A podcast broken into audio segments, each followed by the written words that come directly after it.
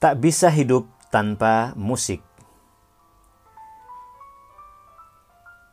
Satu hal yang membuat Fatmawati sedih saat tinggal di tengah keluarga suaminya, meski hanya dua minggu, ia tidak bisa mendengarkan musik.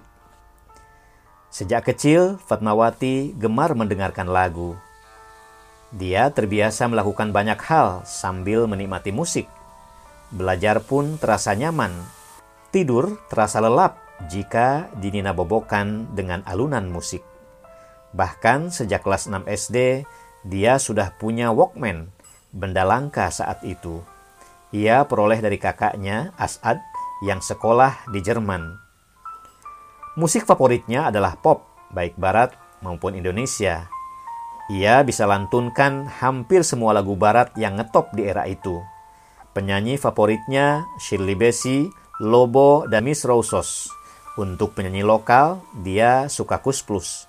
Betapa tersiksanya Fatmawati ketika harus hidup di dalam rumah tanpa suara musik. Fatmawati mengeluhkannya pada suami. Demi mengobati kerinduan hati istrinya, Quraisy pun bersenandung, menyanyi sebisanya. Jika ada waktu berdua di teras, saya menyanyikan lagu untuk menghibur hatinya.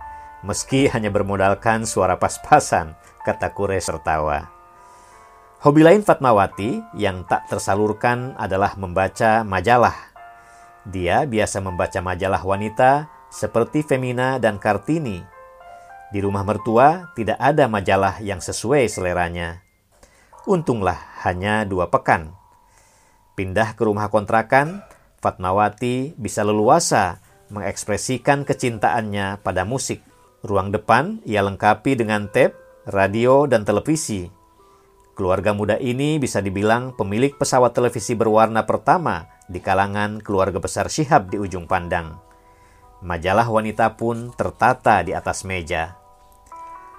Beberapa bulan kemudian, Quraisy bahkan membeli loudspeaker biar bisa terdengar ke semua ruangan, kata Quraisy. Quraisy pada dasarnya suka musik.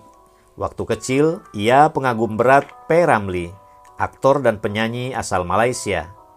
Tapi sesudah dewasa dan kuliah di Mesir, genre favoritnya musik gambus irama padang pasir. Penyanyi idolanya Ummi Kalsum yang sangat kondang di Mesir dan Timur Tengah. Lambat laun, keluarga Syihab pun bisa menandai keberadaan Quraisy dan Fatmawati dari alunan suara musik di loudspeaker. Keponakannya sudah tahu kalau musiknya lagu-lagu barat berarti saya yang di rumah. Tapi kalau lagunya musik gambus, berarti ada Pak Kures. Fatmawati tertawa.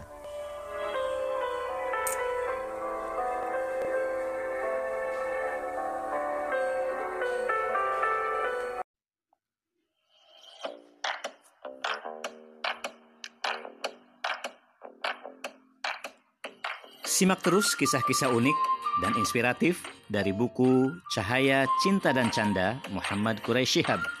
Hanya di The Clouds